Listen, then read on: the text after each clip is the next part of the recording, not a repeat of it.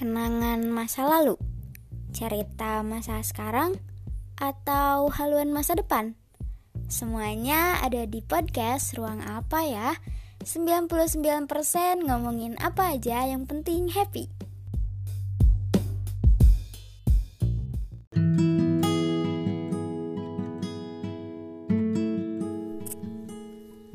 Bye, masih suka ngebanding-bandingin diri sama orang lain gak? Masih suka gak percaya diri terhadap langkah yang diambil gak?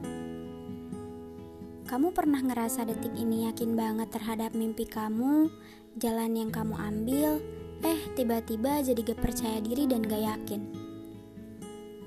Bye, pernah ngerasa masa depan belum terlihat setitik cahaya pun gak? Kayak malah abu-abu aja gitu.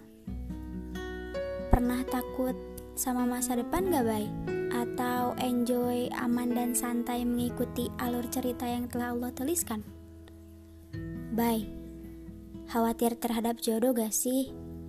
Bingung terhadap jodoh gak sih, bye? Suka kepikiran gak sih siapa jodoh kamu? Berasa lagi di interview anjir Tentu pernah dong Setiap manusia pasti bakal ngalamin fase itu semua bukan? Kalau enggak, kayaknya cuma sebagian kecil deh. Based on my real life ya. Sekarang uh, aku coba jalanin aja sih. Masih belajar juga buat bisa ikhlas atas apa yang terjadi dalam hidup. Ketika aku mulai khawatir sama hidup, masa depan, ya nyatanya itu semua bukan hal yang perlu dikhawatirin. Kadang kalau lagi di fase itu, Suka banyak aja tamparan-tamparan yang nyadarin dan intinya tuh cuma skenario Allah yang lebih indah, bahkan paling indah. Tapi tetap berusaha dan bersyukur pastinya. Semoga terjawab ya. By the way, lagi kenapa sih kamu? Agak kaget ada yang nanya perihal sesuatu yang sedip ini. Gak apa-apa sih, cuma lagi pengen tahu sudut pandang orang lain dalam menyikapi suatu hal. Soalnya pasti ada ilmu yang dapat diambil untuk menutupi sudut pandang pribadi yang masih kurang dan terkadang keluar dari jalur yang seharusnya. Makasih ya Bay udah dijawab. Aku dapat sesuatu dari jawaban Abai. Hmm, setuju sih sama orang yang bilang kalau pikiran dan segala macam di dalamnya itu paling jahat. Buktinya aja yang paling sering dipikirin ya hal negatif.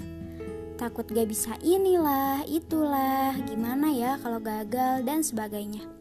Padahal di kenyataan belum tentu kayak gitu. Tapi akhirnya jadi salut nih sama diri sendiri. Ternyata bisa lewatin hal yang dirasa sulit dan bisa sampai di titik ini.